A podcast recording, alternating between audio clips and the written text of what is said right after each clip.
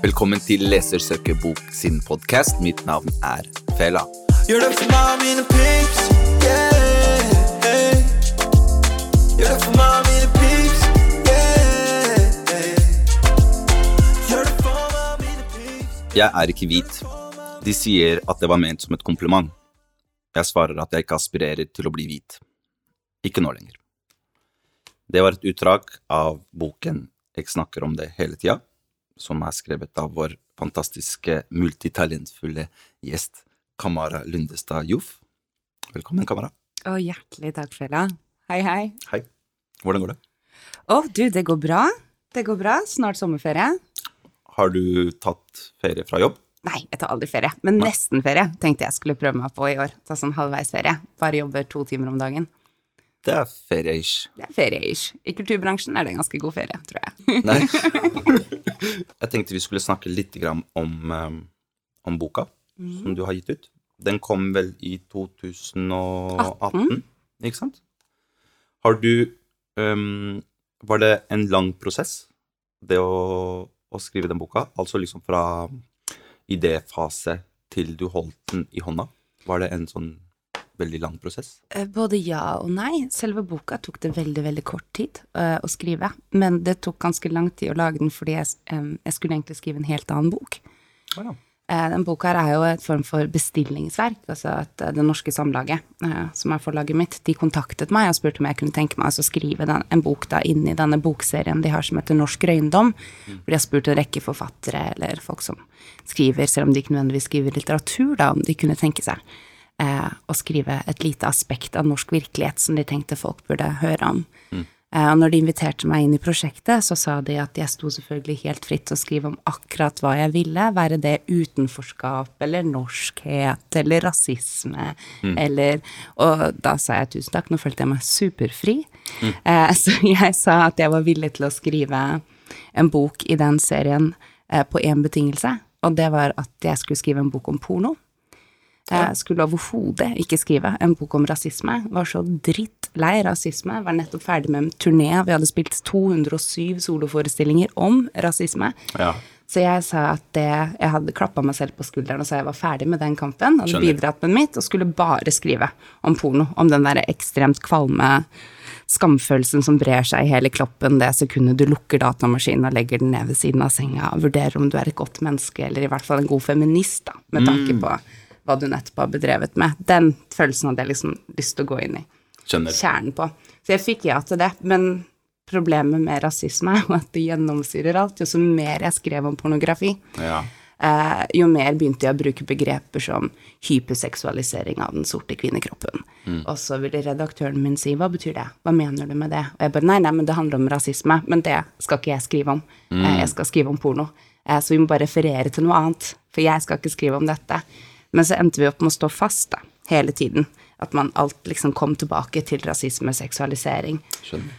og rasisme. Og så begynte jeg å lete etter norsk litteratur som jeg kunne bruke som referansefelt, da. Om hvordan det var å navigere kroppen sin som liksom sort, skeiv eh, kvinne i Skandinavia eh, i dag, eller da i 2017-2018. Og akkurat da, innenfor de parametrene, så fantes ikke den boka. Nei. Eh, den Ingen? Var, nei, den var ikke skrevet. Jeg fant liksom ikke det referanseverket jeg trengte. Så da skrev jeg den boka her, sånn at jeg kunne få lov til å skrive en bok om porno etterpå, og referere til meg sjæl. Genialt. Ja, så da etter dette liksom Det tok veldig lang tid å jobbe med denne pornoboka, men når jeg først hadde konkludert med at jeg måtte skrive denne boka om rasisme, så var jeg så rasende og så sur om at jeg måtte det, at den hamra jeg ut på en og en halv måned. Wow. Ja, den bare I en sånn frenzy av uh, grinetehet og raseri og furtenhet Oi. kom den til. Det var ganske kjapt, da. Ja, det gikk overraskende. Jeg hadde mye på hjertet, tydeligvis. Ja. Ja. Den er ganske sterk. De, mange av de eh, erfaringene og historiene du forteller, er ganske Ja, de er ganske sterke. Mhm. Um, var det Var det Var det vondt, eller var det um, Du sier at det gikk ganske kjapt liksom, å skrive det, men var det, var det noe der som du egentlig nølte litt med å på papir? Og i veldig stor grad. Jeg tror nok, selv om jeg liksom gjorde det på halvannen måned, så er det jo en, en lang prosess med liksom eh, redaktør i etterkant, da, men, mm. og underveis. Men eh, jeg tror det var den lengste halvannen måneden i mitt liv, altså. Ja. Og du satt jo med det liksom 24 timer i døgnet. Jeg sov ikke noe særlig. Var ikke super å bo i kollektiv med. Um, men eh, Nei, det var jo skikkelig, skikkelig vondt å skrive den, Uh, av flere grunner. Av fordi at når man når det finnes så lite forskning på rasisme, så blir vi som blir utsatt for det, vi blir hele tiden nødt til å vitne på våre egne vegne, eh, eh, og så nesten trygle folk om å tro oss. Eh, og det er både uydmykende eh, og skikkelig sårbart, og det kan være veldig retraumatiserende, på å si. Å snakke om egne traumer kan gjøre at man liksom nesten havner fast i dem. Mm. Eh, og det var jo litt det jeg hadde lyst til å utforske, altså hvordan snakker man om traume? Mm. Eh, hvordan gjenforteller man et traume? Hvordan har du kildekritikk eller tillit til din egen hukommelse når det kommer til noe som er så vondt at du helst har lyst til å glemme det? Mm. At det var det som ble litt inngangen, da. Men eh, helt klart vondt. Også fordi at jo da, noen av disse historiene er bare mine, men de er også broren min sine, og faren min sine, og moren min sine, og morfaren min sin, og mormoren min sin. Og det er jo et eller annet med å ta på seg noen andre menneskers historier, og ta på seg det ansvaret å skulle fortelle dem, at da har du et veldig stort Ja, du For min del så er det i hvert fall veldig viktig at det ligger veldig mye omsorg i det arbeidet, at antirasisme er i bunn og grunn et kjærlighetsarbeid, og da må det liksom ligge ganske mye kjærlighet i den skriveprosessen også, til tross for at man er rasende. Når den boka her kom ut, Kamara, Mm. hvordan var tilbakemeldingene da? Fikk du, fikk du unge, aspirerende forfattere på e-mailen din? Eller, Ja. eller DMs? Ja, hit my DM. Nei, uh, ja, altså den var Jeg ble veldig positivt overraska over mm. responsen på boka. Eh, det tok meg ganske Jeg ble ganske overraska, faktisk. Den fikk veldig mye oppmerksomhet, og eh, jeg fikk veldig mye mange e-poster fra Altså, boka er jo skrevet i en jeg-form og en du-form. Ikke sant? Det er jeget, og så skriver jeg til duet, og det ligger jo veldig klart eh, at dette duet kan være veldig mange mennesker. Noen ganger er du en fremmed, noen ganger er du en venn, men det er et du som er en majoritet, da, eh, på en eller annen måte. Eh, så det har vært veldig interessant å motta e-poster fra folk som har identifisert seg med duet Ja. som leser boka som om den er skrevet til dem, at de er due, eh, som har hatt det som en veldig spesiell opplevelse, men da med ungdom eh, som har skrevet og identifisert seg så sterkt med jeget. At de sier at det er mer som å lese sin egen dagbok, som å lese sin egen. Eh, og det er jo på samme tid utrolig rørende og veldig mildnende for min egen del. Eh, jeg merker jo det at man er også redd for at man har tatt på seg en eller annen rolle og skal komme og si hvordan det er å navigere kroppen sin som brun i det landet her, og så skal alle andre si nei. Og så skal man si å, sorry, det var ikke meningen å eh, Altså, man blir jo kjemperedd. Det er jo ingen som, vi har jo ikke en sånn minoritetskonferanse hvor vi driver og stemmer frem hvem som skal få lov til å snakke på vegne av oss neste år. Og jeg bare ok, så må jeg ferdig min tur. Altså, så man blir jo kjemperedd for at man tar en plass som ingen har bedt deg om å ta på vegne av noen som aldri har spurt deg, det, eh, spurt deg om det. Så når man får de, de takkene, da, mm. for at man har delt, og folk sier at de opplever det på samme måte, så ligger det en eller annen form for um, uh, Healing er et kleint ord å si, men det er noe lindrende i det fellesskapet. Det er jo litt bra. I veldig stor grad. Samtidig som det er kjempedeprimerende, eh, selvfølgelig. Because racism. Eh, men primært veldig, veldig lindrende. Eh, så det eh, Selv om jeg var skikkelig sint når jeg skrev boka jeg ikke hadde lyst til å skrive den, hadde utrolig motstand til det, så er jeg utrolig takknemlig for at jeg gjorde det, fordi det har gjort at jeg har eh, fått tilgang på så mange fellesskaper selv, da. Ikke bare som forfatter, men som menneske, fra folk som har kontaktet meg etter at de har lest boka. Eh, og det, det kommer jeg alltid til å være skikkelig takknemlig for, selv om jeg er litt sutrete mens jeg skriver den. Men um, kommer det Kommer den pornoboka di ut? Å ja. Er det- Å ja, ja, ja. ja. Jeg må bare, jeg har, jeg har, eh, jeg har fire teaterstykker som skal premiere først, så jeg skal bare skrive Oh. de ferdig, og så kommer pornoboka. I swear. Men det kommer en annen bok først. Oi! Eh, Det kommer en, eh, en bok og et teaterstykke. I år? Nei, i 2022. Ja. som rett og slett er basert på denne boka. At når denne boka var ferdig, før jeg sendte den i trykken, så ringte jeg broren min Ja. eh, og leste boka for han, og vi hadde ikke snakket sammen på syv år, Oh. eh, cirka. Vi hadde ikke, kanskje ett familieselskap annethvert år. Da hadde vi ikke hatt noe særlig kontakt, og vi ville ikke sitte siden av hverandre. Vi var veldig langt fra hverandre. Oi. Så jeg eh, møtte han, og så leste jeg denne boka for han. Og så tittet vi på hverandre og lurte på hvordan vi ble så utrolig forskjellige. At han gikk inn i gjengkriminalitet og gikk eh, ganske hardt ut på kjøret. og flytta til London og levde et ganske brutalt liv der, mens jeg havna i Kulturrådet og på Dramatikkens hus og Det Norske Teatret, og, og hvordan kan to barn som hadde matchende pysjamas og køyseng, ende opp så Forskjellig. radikalt forskjellig? Så vi har brukt de siste to årene siden boka her kom ut, på å intervjue hverandre om hvordan rasisme er kjønna, og hvordan en oppvekst kan gli fra hverandre. Så det vil bli både en ny bok og et teaterstykke i 2022 som heter Samtaler med bror. Wow. Så det har vært mitt hovedprosjekt da, i all sin stillhet. Det er et prosjekt som trenger tid Ja. og luft og masse kjærlighet. Ikke minst. Men eh, noe av det fineste jeg har fått lov til å gjøre. Det hørtes kjempe Det hørtes ut som en sånn Nesten sånn derre Ikke sånn livsprosjekt, men sånn, en sånn ting som du er litt sånn Ok, check. Nå har jeg gjort det her. Liksom. Nå har jeg bonda på et helt annet nivå med broren min. Ja, vi er liksom. helt sjokka, for det viser at vi liker hverandre òg, ikke sant? Vi bare hæ? at vi, at, ja, men vi har aldri likt hverandre. Men det viser at vi driver og ser på akkurat samme anime-ræle, akkurat samme sci-fi, akkurat de samme sånne hemmelige sånne hobbyer som du ikke forteller andre om, som du sitter hjemme og ser på alene. At vi ser på akkurat den samme driten, og vi bare hvordan da? Men vi er jo oppvokst sammen, selvfølgelig. Man bare tror man er så annerledes, da.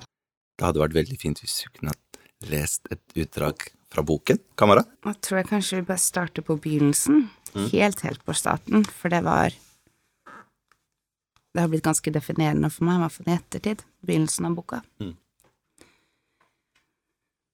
Kjære bror. Gjennom hele oppveksten i de hvite heimene kalla dei oss negerbarna. Det blei sagt leikende og vart med kjærleik. Mens tremenninger og fettere fikk være barna til onkler og barna til tanter, var vi alltid negerbarna til mamma. Sjokoladebarna. Og jeg husker da jeg var elleve. Jeg husker at hele kroppen din dirra, du vibrerte, det var bursdagen til mormor, og du prøvde å forklare alle de voksne på en gang at du ikke ville mer, at du ikke orka det ordet, at det ordet fikk deg til å rykke i kroppen din, at det var feil, at det gjorde vondt. Du blunka tilbake tårene og røysa de auka i volum, og du var klønete og uartikulert og mer sint enn tydelig. Og du var 13. Så fikk du høre at sånn har det alltid vært, og sånn vil det alltid være, vi har alltid brukt det ordet, ein sier jo negerboller òg.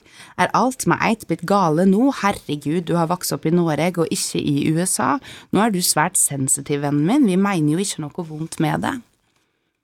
Og så snudde mormor seg mot meg og sa, Kamara har jo ikke noe problem med at vi bruker det ordet, eller…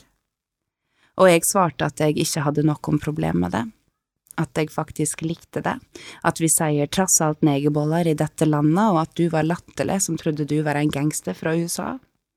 For når jeg var sant med de voksne, likte de meg bedre, og for meg var det viktigere enn at du likte meg, for jeg syntes du var en dust og lufta seiv ut av deg som fra en ballong. Du sprakk ikke. Du må ha skjønt at du var aleine. Du gikk ut i hagen og sette deg, de voksne sa du skulle få furte ferdig i fred, jeg ble værende inne og åt banankake. Det kjendes som at jeg hadde vunnet noe. Det hadde ikke rykt i kroppen min, ikke ennå. Jeg drømmer om det om natta. Du og jeg, vi har aldri snakka om dette og jeg har heller aldri bedt om årsaking, men jeg lover å gjøre det før denne boka går i trykken. Kjempefint. Takk, kamera. Jo, vær så god. Kjempefin bok. Altså, jeg anbefaler alle som eh, hører på, å plukke opp boka til Kamara. Den er veldig, veldig fin. Veldig sterk. Jeg ser um, Det var en, en del i boka her hvor du snakker om eh, min gamle arbeidsplass. Mm. Eh, du var på sommerleir, tror jeg. Sommerleir med Antirasistisk Senter, ja. Ja. Oh, ja. Når jeg det, var sånn, når jeg leste det i boka di, så var det sånn Oi, kult! Eh, der har jeg vært i ti år Ja. på rad. Å, wow! Den sommerleiren. Nei, der var jeg fra 12, 13, 14 og 15, tror jeg jeg var der. Ja. Når, hvilket år var det? Å gud, hvilket år var det? det jeg det tror var- det første året jeg var der, var i 2001. Og etter den sommeren etter Benjamin Hermansen. Ja. Det var den første sommerleiren jeg var på. Skjønner. Mm. Da var det Inger som var sjef, kanskje? Mm. Inger Aguilar. Riktig. Mm. Det var hun som fikk meg til å skrive. Er det sant? Ja, ja, ja. Er du gæren? Hun holdt på med disse skriveworkshopene til Agenda X og Ja. poesikurs og Ja. dro meg inn. Og så fikk mine første dikt publisert i Samora da jeg var Ja. 13 år gammel. Ja, da. Så det var et veldig, veldig viktig miljø for meg spesielt. Altså, vi bodde i Sandefjord. Det var et veldig, veldig mm, Veldig hvitt Mm. uh, miljø, altså en veldig hvit by. Det er der vi bodde. Mm. Uh, veldig Jeg og broren min og lillesøsteren min var vel de eneste på barneskolen med liksom afrikansk diaspora-bakgrunn. Ah, okay. ja, Så det var veldig viktig å, å få lov til å komme inn til Oslo og Mm. eh, bli ønska velkommen på, på et litt annet premiss. da. Mm. Det var veldig definerende for meg og min selvfølelse, i hvert fall. Å kunne speile meg i noen andre barn. Ja. Mm. ja, fordi det er jo sommerleir um, Det er jo så blanda som det går an å bli Mm. av liksom kulturer og etnisiteter og ikke minst tilbud. Mm. Um, det, var veld, det var veldig fint å høre at, eh, at senteret, eh, ikke minst Inger, har hatt en sånn påvirkning på deg. Oh, ja, en kjempestor en. Har du noe kontakt med henne fortsatt? Ja da, vi skriver en gang imellom. Vi ses ikke ofte nok. Eh, men eh, hun er jo veldig veldig flink til å heie på folk. Altså Wow. Når hun har funnet seg noen. liksom. Når, Ja. hun, når hun først har sett deg, så heier hun på deg for alltid. Det er Ja. jo det som er så magisk med henne. Ja. At hun har liksom denne dedikasjonen både til Holmlia, men til hele Oslo. på en eller annen måte, Og alle ungdommene, uavhengig hvor vi endte opp i verden. Så det bare fortsetter hun å heie på oss, og det er helt uh, uvurderlig, det. Hva det har å si for et, uh, et lite, en liten kunstnerspire på tolv. Som bare vil bli tatt seriøst, og som er sånn superkvasintellektuell. Var du på den eh, festen midt i byen også? Dere hadde dere sånn konsert midt i byen Ja, da. Arendal Ja da. på slutten av uka? Det hadde vi. Det var det året Mira Craig drev og holdt på like før. Liksom var rett etter rundt det breaking pointet hennes der. Ok. Eh, så jeg da, og jeg fikk også synge. Er du gæren? Ja, sang? Jeg sang som 12-13-åring på den Wow! plassen i Arendal. Jeg tror jeg sang Hey Big Spender, tror jeg jeg sang. Gammel jazzklassiker. Wow! Det var sterkt. Ja, det, det er et annet liv. Et Wow. annet liv. Herregud, det tror jeg aldri jeg har sagt høyt før, men det var det jeg gjorde. Den derre The minute you walk through the joint dunk, dunk, dunk, dunk. Yo! Ja, mhm. Kult, ass. Shit.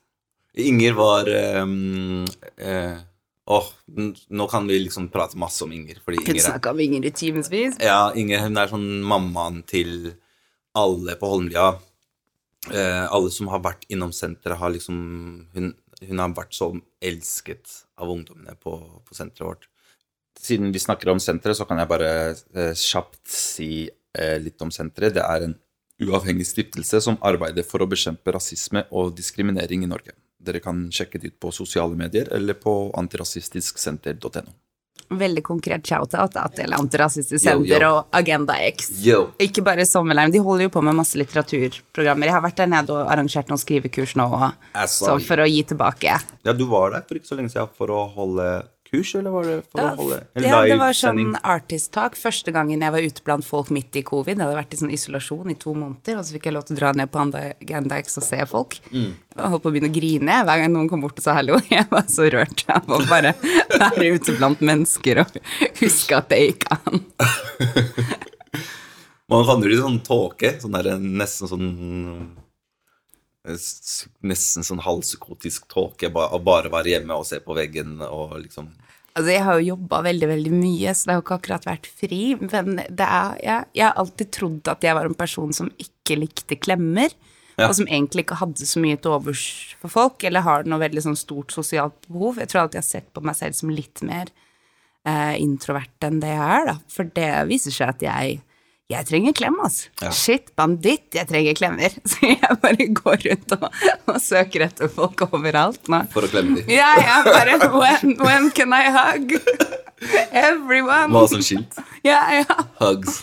ja, virkelig. Jeg trodde ikke det. Jeg trodde egentlig ikke at jeg likte mennesker så godt som det viser seg at jeg gjør, da. Det var veldig egentlig fint. Jeg tror alle er glad i kjærlighet. Mm. Og, litt, og litt klem. ja, Det tror jeg er alle trenger litt klem. Det tror jeg alle trenger. Men uh, du er jo ikke bare forfatter. Nei.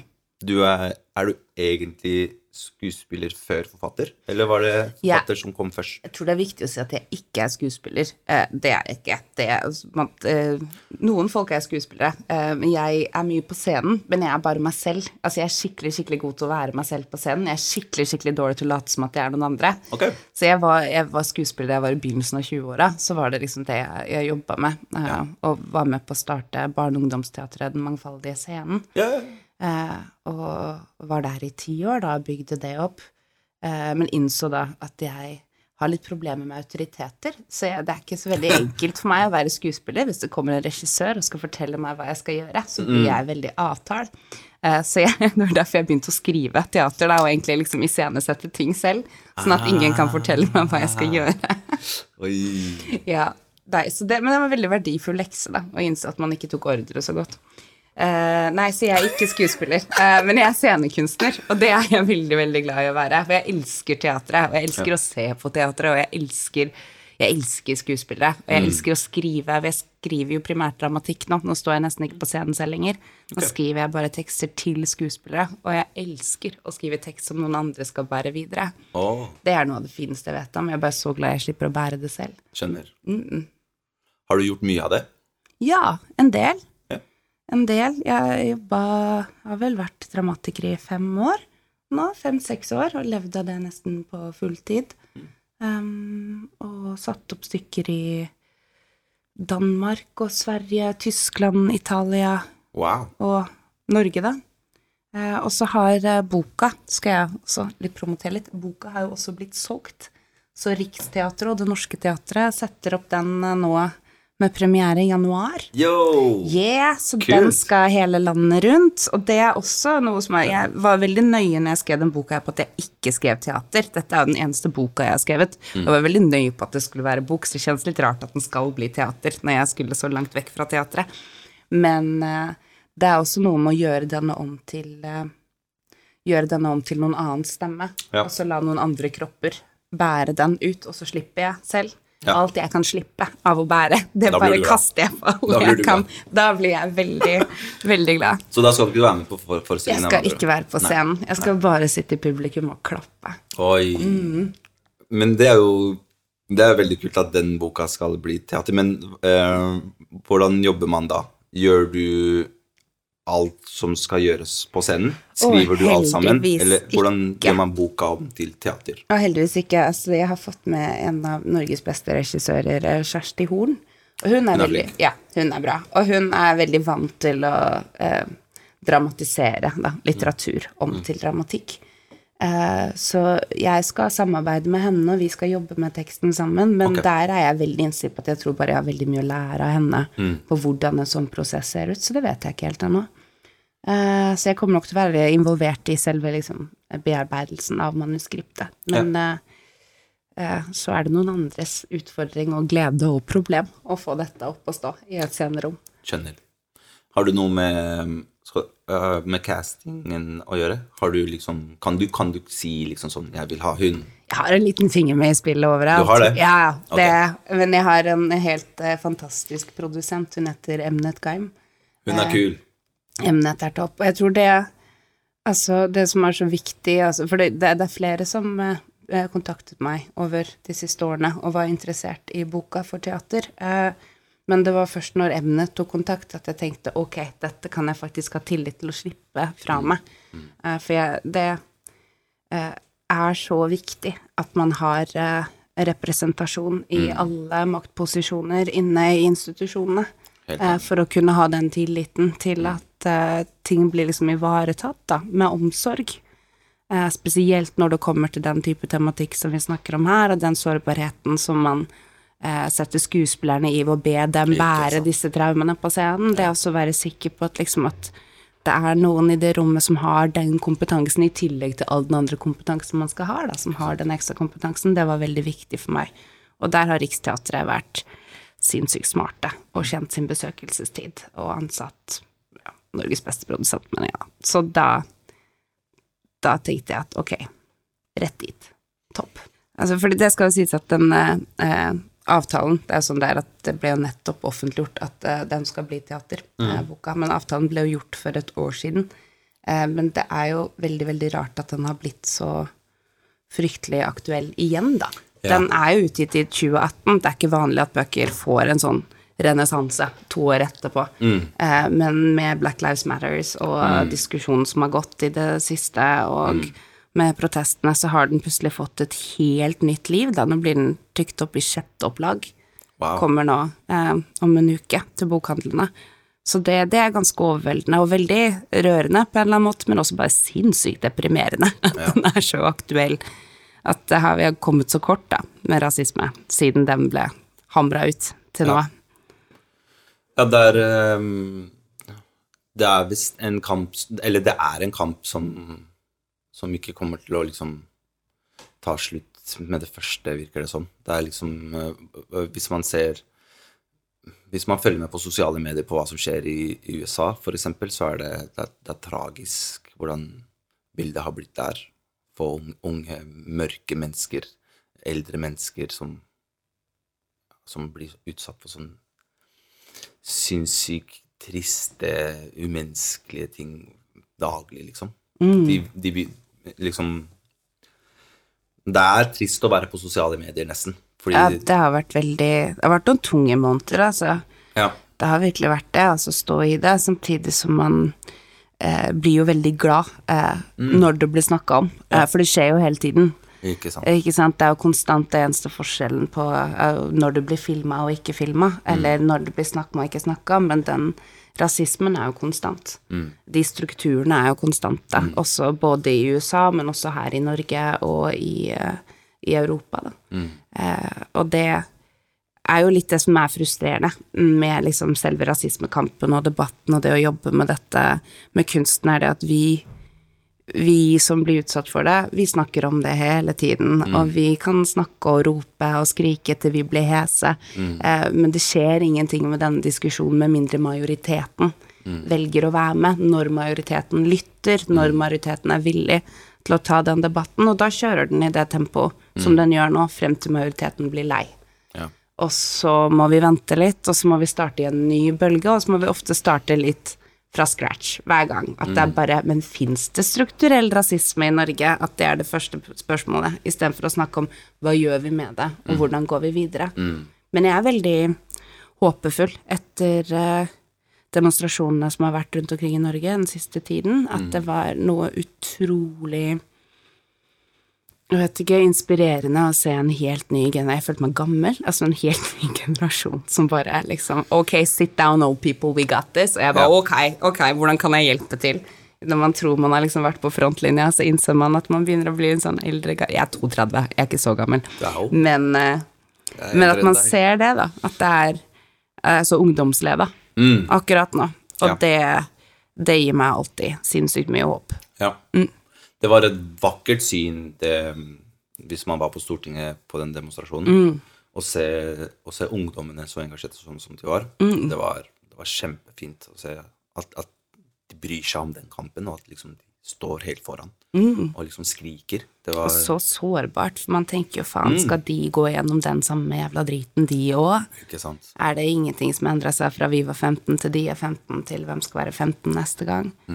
Men eh, nei, jeg har trua på dem, altså. Ja. Jeg har skikkelig, skikkelig trua på dem. Jeg jobber på biblioteket på Tøyen, og der er det mm, der er det, det er viktig for dem å prate om det til oss, har jeg lagt merke til. Fordi de kommer til oss og forteller oss Har du sett videoen, eller fella? Og liksom Og så begynner de å snakke og få et forhold til, til det. Jeg syns det, en det er en fin ting, men det er jo også litt trist noe trist i det. Mm. et, liksom en tiåring som kommer og skal snakke med, med oss. Og hjerteskjærende. Ja, det er litt trist, men det er jo også viktig at de, at de engasjerer seg i det, da. Ja, og jeg ser i hvert fall at jeg får veldig mange e-poster og meldinger om eh, ungdommer som skriver sjæl. Ja. eh, som har lest boka mi, og som har lyst til å skrive selv. Og det har jeg alltid, alltid i hele verden til ungdommers tekster. Altså, da kan jeg slippe alt annet jeg driver med. Hvis noen sender meg en tekst, så har jeg lyst til å lese den og gi feedback. Men da ser jeg at det er bare utrolig mange skarpe litterære stemmer eh, som kommer fram nå.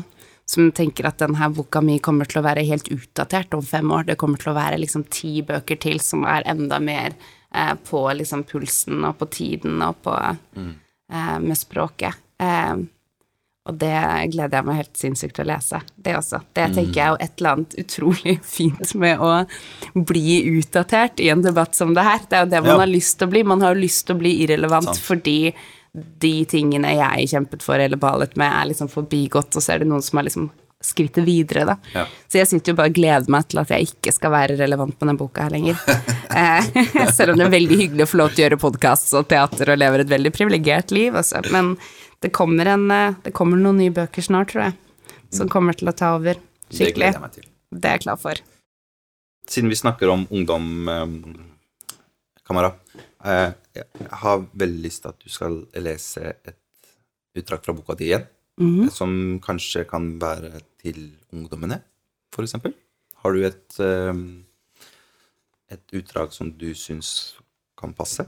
Ja, kanskje litt uh, til tida nå, men også kanskje fordi det i så stor grad handler om å være ung sjæl. Tauet. Minnet er det vanskeligste. Jeg vitner for meg sjøl hele tida. Nazistene går i gatene i Kristiansand i Stockholm. I København, men der er de bare to. Jeg ler når jeg leser avisartikkelen. Nazidemo i København. To møter opp. En danske og en svenske. Hver er nordmann. Lederen for demonstrasjonen møtte ikke opp sjøl engang. Han dro til Kristiania for å drikke øl i staden sammen med andre nazister som heller ikke møtte opp. Derfra blir de jaga ut. De går i USA. Jeg ler ikke. Retorikken er brutal. Jeg ser dokumentaren om Charlottesville der Vice-journalist El Reeve intervjuer de høyreekstreme arrangørene. De sier at de henter inspirasjon fra den nordiske motstandsrørsla, de samme som gikk i Kristiansand mindre enn to veker før Heather Heyer blir meia ned av en bil. I intervjuet sier de at vi er så flinke til å organisere oss her i Skandinavia. Her er rørslene bygde på brorskap og solidaritet. Jeg tenker at vi eksporterer fisk, Ibsen og nynazisme. Hat er den nye olja. Når de marsjerer i Kristiansand, er folk i sjokk. Folk er rasende. Facebook-feeden min flyter over. Hvor kom de fra? Forsvant de ikke etter Benjamin? Noen av oss veit at de har vært her hele tida. De let bare håret gro. De var der på de samme festene som jeg på ungdomsskolen. En lærte seg stort sett å omgås, om Vigrid var på kjøkkenet, så gikk jeg inn i stova, om de kom til stova, tok jeg øl med meg ut i hagen, alle hadde kjent alle siden barnehagen, alle kjente broren til noen, om du ikke provoserer deg, kommer det til å gå fint, vi må alle lære å omgås, vi kan jo ikke ikke invitere deg, vi er alle venner her. Da jeg var 14, ble jeg banka opp. Dette er det vanskeligste, jeg husker ingenting. Jeg husker reitspark spark i ryggen, husker jeg geitspark spark i ryggen, joggesko, vernesko, store sko, jeg tror jeg husker reitspark spark i ryggen, jeg husker at jeg måtte kaste opp, at jeg mista balansen og fall mot doskåla og fikk en kul i hovedet. Etter det husker jeg ingenting, og siden jeg veit at spark i ryggen kom etter doskåla, vil det si at jeg ikke husker det. Det jeg husker er blåmerket. Hvordan kan jeg fortelle om noe jeg ikke husker? Jeg husker at jeg våkna i min egen seng og tenkte at der skulle jeg ikke sove i natt, jeg hadde ligget og sagt at jeg skulle sove hos ei venninne. Jeg husker mamma, hun sitter på en stol ved senga og sover med hovedet hvilende mot dyna mi. Jeg vrir meg, kroppen verker, hun ser at jeg er vaken og hun er ikke sint. Hun gråter. Jeg husker at jeg går på badet og ser blåmerker nedover ribbeina, kulen i hovedet, kjenner at ryggen er øm. Jeg kan ikke vitne for meg sjøl, dette er kanskje det vanskeligste. På politistasjonen er de vennlige, jeg får vann, lyset er skarpt, stefaren min er med, vi blir enige om at mamma er for emosjonell. Jeg kan ikke hjelpe deg, jeg kan ikke hjelpe meg sjøl, ei venninne hadde ringt bror sin, ei nabodame hadde ringt politiet, jeg, har fått, jeg får høre at jeg var blitt dratt ut på gardsplassen. La oss binde beina hennes fast til bilen og slepe henne bort etter vegen. La oss se hvor mye en neger tåler. Det var gått så langt at noen hadde funnet fram tau. Jeg husker dårlig samvitt overfor politimannen som prøvde å få kjennskap til detaljer, hva som helst av detaljer, da han spurte om jeg huska bilen eller tatoveringer eller hvor mange de var, eller om de hadde blondt eller brunt eller rødt hår, hva som helst. Han blir frustrert av meg, jeg skjønner det godt, men jeg skjønner ikke alvoret. Jeg røper ikke navnene på de som var på festen. Jeg er redd de skal finne ut hvordan vi fikk tak i alkohol. Jeg er redd vennene mine skal få trøbbel. Jeg har ikke lyst til å sladre. Jeg har heller ikke lyst til å ljuge. Jeg husker ingenting. Jeg bestemmer meg for at siden jeg ikke husker noe, så er det ikke et reelt traume. Kanskje det kommer etterpå, når noen av vennene mine er mer urolige for om jeg har tysta enn om jeg har det bra, at det faktisk var vennene til bror deira eller folk vi gikk i barnehage sammen med, og at jo, det gikk for langt, men du spydde utover hele badet, og folk var sinte fordi jeg måtte vaske opp spy etter deg, du kan ikke holde spriten din. Nazistene går i gatene, og jeg går og legger meg. Jeg bestemmer meg igjen for å slutte. Jeg tenker på Benjamin. Før Benjamin og etter Benjamin, jeg tenker at det er så lenge siden at alle sammen er ute igjen nå. De som drap han, er ute, har sona ferdig, jeg veit ikke hvordan de ser ut. Kan jeg ha halve døra oppe for en av de på vei ut av en butikk? Har vi sett det sammen på bussen?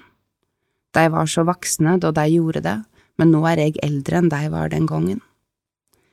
Jeg har alltid følt at om jeg sørgde for mye over Benjamin, så ville jeg utnytte noe jeg ikke hadde rett til.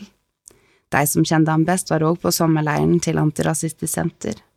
Mamma skulle etter hvert sende oss dit hver sommer, men leiren i 2001 var den første hun sendte oss på alene. De hadde en minnevegg vigd til han som vi kunne skrive på. Jeg følte at det ikke var min sorg. Men de var så varme, de innlemma meg i sorga. De sa det var ei fellessorg, hun var kollektiv, de var òg barn, ungdommer med så stort hjerte. De kaller han Benny, Baloo, jeg kjente meg som en blodigle. Jeg kjenner meg alltid som en blodigle når jeg snakker om det rasistisk motiverte drapet på en 15 år gammel gutt som var norsk, men brun, som blei drepen fordi han så ut som bror min. En fikk alltid et ekstra lag med merksemd, kjente du han, var det venner, kjente han broren din? De ligna faktisk på bildet i avisa, var det i slekt? Da Benjamin blir knivstukken, er han 15, jeg er 12. Når de finner frem tauet mitt, er jeg 14. Det er mitt tau nå, sjøl om jeg ikke husker det. Det sekundet det blei tatt fram, blei eierskapet til tauet flytta fra han som skulle binde det rundt beina mine, til meg. Nei, den øyeblinken jeg fikk høre om tauet, ble det mitt, jeg husker det jo ikke. Hvordan kan en eie noe en ikke husker? Alle er sjokkert og spør hvor nynazistene kommer fra når de stormer Stockholm Pride. De har vært her hele tida. Jeg har lyst til å rope det ut i ekkokammeret mitt som er i sjokk. De har vært her hele jævla tida. Hvorfor veit de ikke det? Har jeg ikke fortalt dykk det? Er det fordi jeg ikke snakker om det nok? Jeg snakker jo om det hele tida. Takk, Kamera. Vær så god. Tusen takk. Det var veldig mm, Det var veldig eh, Dessverre dagsaktuelt. mm, Mm. Det også. Det var veldig fint å høre på deg si det. Veldig trist også. Um, ja. Det er vel kanskje det siste jeg vil si til folk som har lyst å Unge mennesker som har lyst til å skrive sjøl. ja. For jeg er jo dokumentariker, og jeg skriver jo om, i stor grad, eh, traumer. Andre folks traumer, egne traumer, på fulltid. Fordi det er traumatisk å snakke om rasisme, men vi må snakke om det. ja. Men jeg har aldri skrevet noe i en bok eller satt noe opp på en teaterscene uten å ha grundig bearbeida det hos en psykolog først. Ja. Og det er veldig, veldig viktig å si. Ja. At jeg bruker ikke kunsten min som terapi. Da går jeg i ordentlig terapi. Og det vil jeg anbefale alle som møter eh, rasisme, og som vurderer å skulle formidle det ut og skulle gjøre. Mm. Snakk det igjennom for din egen skyld. for Sørg, sørg for at du eh, har bearbeida Ja. den driten som er vondest, før du gir den til offentligheten. Fordi offentligheten kan være et hardt sted Ja. å skulle være sårbar i. ja. Så da er det viktig å ta vare på seg sjæl først. Helt riktig. Og så skriv. Kom igjen, folkens. Skriv. Jeg gleder meg så sinnssykt til å lese bøkene deres. Skriv. Kamera, det har vært skikkelig mm, kult å ha deg på besøk. Takk, skal det har vært skikkelig fint å være her. Det var veldig hyggelig å prate med deg og bli litt mer kjent med deg og dine prosjekter. Vi må dessverre runde av um, nå. Håper vi ses igjen i byen. Rundt. Kameras bok eh, Jeg snakker om det hele tida. Kan dere finne på boksøk.no sammen med andre fine titler. Um, tusen takk for meg. Vi Snakkes. Ta vare på dere selv, folkens. Yeah. Og skriv. Gjør det for meg, mine pips. Yeah. Gjør det for meg,